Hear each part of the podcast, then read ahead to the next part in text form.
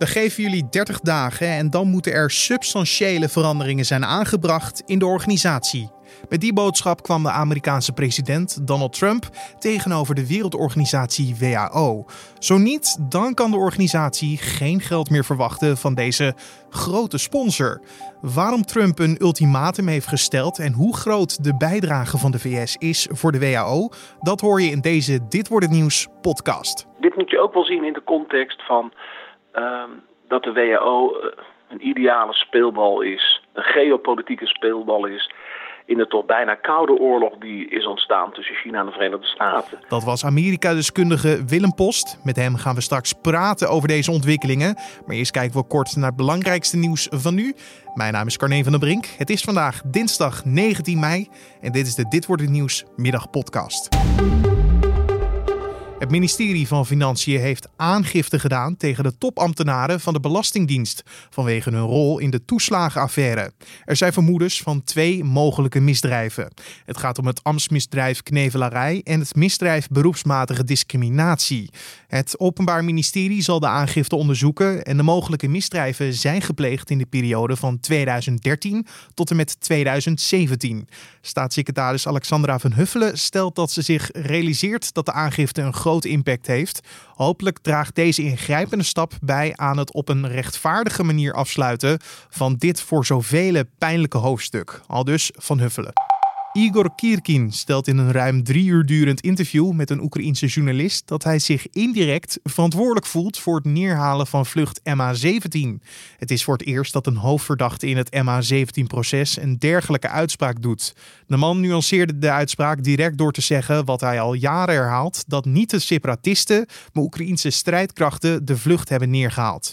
Justitie bevestigt aan nu.nl dat ze het interview bekijken en dat het toegevoegd wordt aan het dossier. Of het uiteindelijk een rol zou krijgen in het proces, valt nog niet te zeggen. Defensie neemt disciplinaire maatregelen tegen Marco Kroon, omdat de militair vorig jaar tijdens carnaval een kopstoot heeft uitgedeeld. Er komt een negatief bericht in zijn dossier te staan.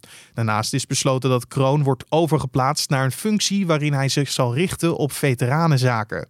Het besluit is genomen dat, dat de militair door de rechtbank tot een taakstraf is veroordeeld vanwege wangedrag tijdens carnaval in Den Bosch.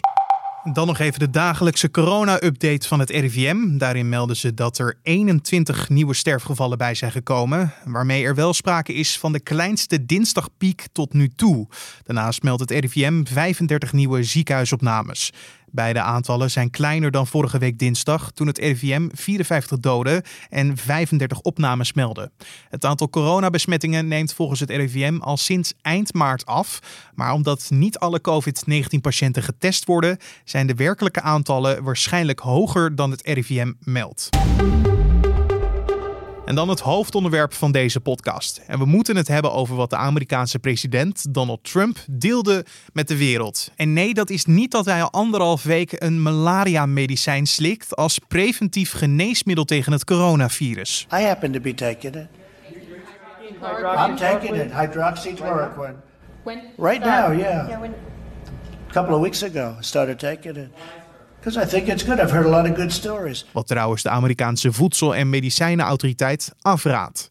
Nee, we gaan het hebben over de deadline die de president heeft gegeven aan de Wereldgezondheidsorganisatie WHO om met structurele veranderingen te komen. Zo niet, dan stopt Amerika definitief met hun financiële bijdrage aan de organisatie.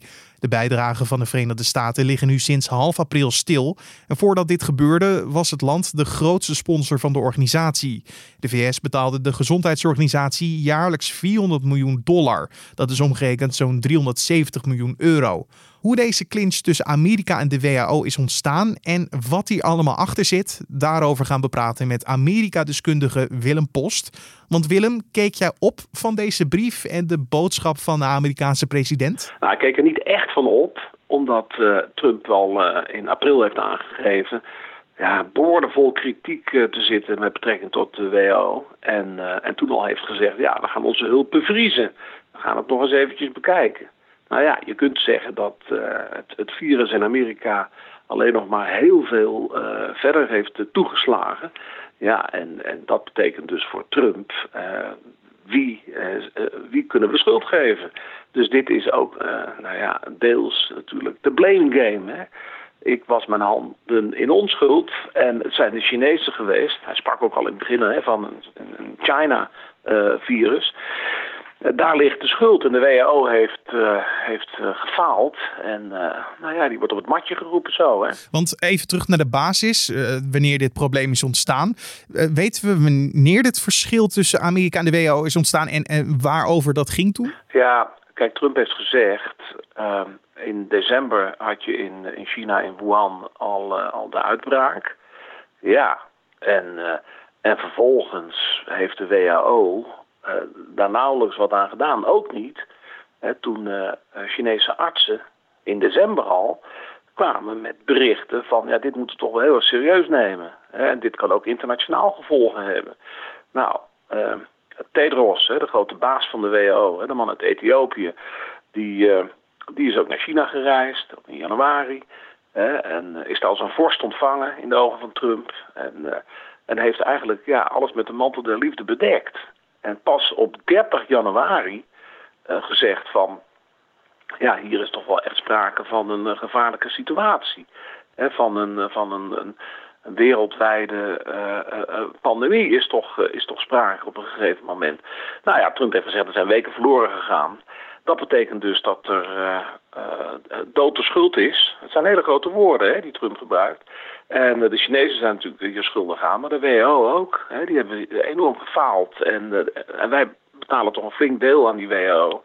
Dat gaan we nu maar eens eventjes uh, even opschorten. Nou ja, en dus deze week kwam daar nog eens overheen dat ja, Trump al een hele boze brief heeft gestuurd. Ja, en over die brief komen we zo nog te spreken. Je hebt dus het heikelpunt van het optreden van de WHO in China. Maar ik dacht dat Trump ook moeite had met ja, de rol van China momenteel bij de WHO. En dat ze misschien een, een te dominante stem krijgen. Ja, weet je, als je nou kijkt naar puur de financiën. Uh, dan kun je zeggen, nou dat valt nog wel mee. Hè? De Amerikanen hebben over de afgelopen twee jaar tien keer zoveel uh, betaald dan de Chinezen je zou kunnen zeggen, wie betaalt, bepaalt voor een belangrijk gedeelte. Of heeft in ieder geval invloed bij deze organisatie die een kleine 200 landen telt. Hè. Nee, maar wat, wat, wat Trump vooral ziet, is dat de Chinezen uh, weliswaar vanuit, uh, laten we zeggen, een beetje een underdog-positie in de WHO komen, maar steeds meer proberen het bestuur van de WHO te beïnvloeden. door door inderdaad een soort van, van, van mondkapjesdiplomatie te beoefenen, andere hulpmiddelen over de wereld te sturen, uh, zoete broodjes te bakken met de WHO. Uiteindelijk nu ook deze week heeft president Xi gezegd, wij stemmen dan wel in met een onafhankelijk onderzoek. Hè? Uh, ja, dan lijkt het er natuurlijk wel heel erg op dat de Chinezen binnen de WHO steeds meer invloed krijgen. Uh, en Amerikanen zien dat. Uh, ja, dit, dit is China all over the place. Kijk, dit moet je ook wel zien in de context van uh, dat de WHO eh, een ideale speelbal is, een geopolitieke speelbal is in de toch bijna koude oorlog die is ontstaan tussen China en de Verenigde Staten. dus afgezien van, van binnenlandse factoren in Amerika, ja, is dit ook op het wereldtoneel. Hè? De, steeds maar weer opkomende conflicten tussen China en de Verenigde Staten. Over de Zuid-Chinese zee, over de invloed van China in Afrika, belangrijke strategische posities in Europa.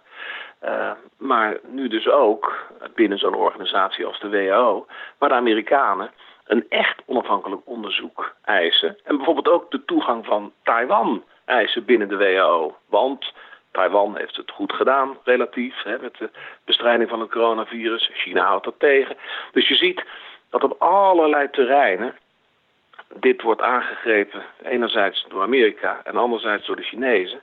Ja, om, om toch die verdeeldheid te laten zien. Maar als ik even advocaat van de duivel mag spelen, stel Trump beslist uiteindelijk dat inderdaad de bijdrage aan de Wereldgezondheidsorganisatie wordt gestopt, dan is er een gat. En mogelijk gaat China dat dan dichten. Dan krijg je toch wat Trump juist niet wil. Ja, ik denk dus ook dat hier uh, de powerplay nog niet is afgelopen. Het is ook wel typisch Trump. Denk ook aan, aan de handelsconflicten. Hè, om heel hoog in te zetten. Want dat doe je natuurlijk met zo'n woedende brief die het eigenlijk is. Hè, met wel meer dan twaalf klachten ten opzichte van de WHO, schuinstreepje China. Nou, Trump heeft gezegd, jullie hebben nog 30 dagen de tijd. om je, om je te verbeteren. Het is ook verkiezingsjaar in Amerika, zijn achterban. Ik vind het ook wel aantrekkelijk dat je een internationale organisatie eens even flink aanpakt. En er zijn ook redenen voor, laten we wel zijn. Hè. Het is toch wel objectief vast te stellen dat de WHO in het begin echt niet goed gehandeld heeft. Dat zeggen zo'n zo'n 100 landen in feite. Australië ook. Hè? Ja, en juist over dat op tijd optreden van de WHO en China, daar wordt over gediscussieerd. Want de president heeft daar dus kritiek op. Maar door journalisten en mensen op Twitter zie je nu ook dat de bal weer terug wordt gekaatst. Want volgens hen zou Trump ook niet adequaat hebben gehandeld. Hebben ze daar een punt, denk jij? Ik denk dat je dat zeker zo kunt zeggen. Uh, Trump heeft natuurlijk ook weken, wekenlang uh, geaarzeld. Maar kijk, Trump is een meester in het dansen met woorden. Hè? En, en eigenlijk zegt Trump ook van. Nou ja, je kunt kijken naar uh, ons gedrag in Amerika. Maar ja, uh, ik baseer me dus hè, op de virologen. En, en dan natuurlijk ook op de WHO. Dat is dan toch de internationale club. En kijk eens aan. Hoe hebben die ons in het ootje genomen? En meneer Tedros is een soort lakai hè, van, van president Xi. En dat is onacceptabel. Uh, dus ja, het is, het is echt een ouderwets uh, potje blame gamen. En uh, er valt Trump genoeg te verwijten. Maar het grote punt is, en dat ruikt Trump natuurlijk, hè, dat voelt hij aan. De WHO heeft aantoonbaar fouten gemaakt. En de Chinezen ook. En dat zijn ook geen kleine fouten. Hè. Er zijn vele doden gevallen. En hij heeft de als medestanders een, een honderdtal landen in de wereld. Kijk eens naar Australië, dat wordt nu gestraft door China met, met, met extra eh, belastingen op producten. Omdat de Australiërs het eens zijn met de Amerikanen. Hetzelfde geldt voor de Britten, die zouden het volgende slachtoffer kunnen zijn. Dus dit is kei en keiharde politieke en economische machtspolitiek, terwijl het gaat over een gezondheidsprobleem waar je eigenlijk als wereld met z'n allen samen zou moeten optrekken. Je zou alleen kunnen zeggen dat andere landen het niet zo hard spelen als de president van Amerika dat doet. Uh, maar je haalde net die brief aan. Uh, daarin staan allemaal punten uh, wat volgens Amerika fout is gegaan. Maar staan er ook de veranderingen in die ze heel graag willen zien? Nou, dat staat er eigenlijk niet zozeer in. Hij roept op tot, tot grootste hervormingen. maar weet je, ja, dan kun je. Eerder is al gezegd door Trump, in een wat meer gematigde reactie, een paar weken geleden, en ook door, door zijn minister van Gezondheid in Amerika. Uh, nou, er zou meer transparantie moeten komen binnen de WHO. Er is overigens ook nog wel een corruptieprobleem binnen de WHO. Maar goed, dat moet worden aangepakt. En dat is, dat is in ieder geval concreet. Hè? Daar kun je wat aan doen. En toen hadden we even de indruk een paar weken geleden. Zie je wel, Trump matigt weer wat. Komt met concrete voorbeelden. Betere inspectie van de WHO-teams zouden moeten komen. Maar in deze brief ja, zijn het eigenlijk alleen maar hele grote klachten. En een enkele klacht is ook al wel tegengesproken. Ik wil het niet bagatelliseren, hè, want de WHO heeft echt een probleem. Maar bijvoorbeeld de eerste klacht die Trump had, daar noemde hij ook de Lancet, hè, gezaghebbend uh, Engels uh, wetenschappelijk uh, tijdschrift. want ja, die zou dan kunnen bevestigen dat in december al de Chinezen wisten dat het van mens op mens over kon gaan. Nou, Lancet heeft al gereageerd en gezegd van... Ja, dat hebben we helemaal niet uh, beschreven. Hè. Er is helemaal in december niks gekomen van ons. Nou, dat is dan één voorbeeld. Maar er zijn er nog wel een paar andere voorbeelden. Dat je kunt zeggen van nou, dat is toch wel een beetje op wankele grond. Dus het lijkt erop dat ja, Trump vooral ook door de politieke bril kijkt en denkt van dit is het moment om de WHO en de Chinese kei en keihard aan te pakken. Maar goed, hij geeft een soort uitlaatklep van 30 dagen. Ja, en, uh... want, want als je het hebt over ja, de, de wereld reageert misschien een beetje verbaasd of de ander ontzet over de manier hoe het nu gaat. Uh, maar hoe kijkt ja, Amerika zelf naar dit optreden van hun president? Want dat zal, denk ik, Trump het belangrijkste vinden. Hoe, hoe het afstraalt op, op zijn eigen volk. Ja, en kijk, uh, Trump heeft de verkiezingsbril op en weet dat zijn harde achterban de mensen uit het Middenwesten en het zuiden van Amerika, met name die toch, het kleinsteeds Amerika, dat die wel zoiets hebben van, uh, ja, het is goed dat die Chinezen even keihard worden aangepakt. Hè? Die al die fabriekjes hier ook in de, in de stadjes in het Middenwesten en het zuiden hebben weggehaald, met goedkope arbeid. En internationale instellingen. Ja, dat is sowieso al iets waar veel Amerikanen, en zeker uit die regio's in Amerika, iets van hebben. Van ja, is dat allemaal wel in Amerikaans belang? Hè? En uh, dat, die kaart speelt Trump dus uit. Een beetje het. Nou, het is ook een VN-instelling, de WHO. Een beetje dat United Nations bashing. En daar zijn dus redenen nu voor om dat hard te maken. Dat, dat geloof ik absoluut. Alleen je zou in zo'n noodtoestand die we nu hebben, toch ook hopen. En ook met keiharde onderhandelingen, want dat is ook echt een, een machtspolitiek spel. Maar dat je wel tot elkaar komt. Het is wel één planeet. Je kunt er niet zeggen van, zeker dit coronavirus heeft dat wel bewezen. Dat we op verschillende planeten zitten met z'n allen. Dus dat is wel echt iets waarvan ik hoop dat we dat ja, Europa ook dat statement maakt. Dat was Amerika-deskundige Willem Post. En dan nog even het weer. Vanavond is het wisselend bewolkt met regelmatig zon. De temperatuur varieert tussen de 13 graden aan zee en aan 18 graden in het oosten. Later vanavond en vannacht houden we een mix van wolken en opklaringen. Er is nauwelijks wind en vooral in het noorden en westen kan regionaal mist ontstaan. En de minimumtemperatuur ligt rond de 9 graden. Morgen start de dag vrij zonnig, maar later op de dag ontstaan landinwaarts stapelwolken. De temperatuur loopt op naar 20 tot 26 graden. En om af te sluiten nog even dit. Het tweede seizoen van de misdaadserie Undercover is vanaf 6 september op Netflix te zien. Frank Lammers, Anna Drijver, Elise Schaap en Tom Waas spelen weer de hoofdrollen. En het succes van de serie kan niet op, want een derde seizoen van de serie is al aangekondigd. De serie is ook in het buitenland heel populair, maar daar worden de Nederlandse stemmen vervangen door Duitse, Engelse of Italiaanse stemmen. Frank Lammers keek voor nu.nl naar een aantal van de internationale versies van zijn personage, zo ook naar die van de Franse. Si vous les payez correctement et que vous leur donnez des bons trucs à manger au lieu de vos saletés de fricadelles, ils ne foutront plus jamais le camp. Espace de gratin. Deze was een beetje Darth Vader doet. Je praat alleen zo. Duidelijk een soort brom inderdaad erin. Nee, nee, nee, Ze mogen vooral doorgaan, maar ze moeten goed naar die Duitser kijken. Die, die heeft nog steeds 12 points. Want wat doet deze Franse man fout? Die praat een beetje zo. Wil je de hele video zien? Een linkje kan je vinden in de beschrijving van deze podcast. En dit was dan de Dit wordt het nieuws podcast voor deze dinsdagmiddag 19 mei. De podcast vind je in de ochtend en in de middag op de voorpagina van nu.nl en in je favoriete podcast app, Spotify, Apple Podcast of Google Podcast. Download ze, dat is gratis en je kan je dan gratis op deze podcast. En dat is tevens ook gratis. Heb je feedback voor ons? Laat het ons weten via podcast.nu.nl.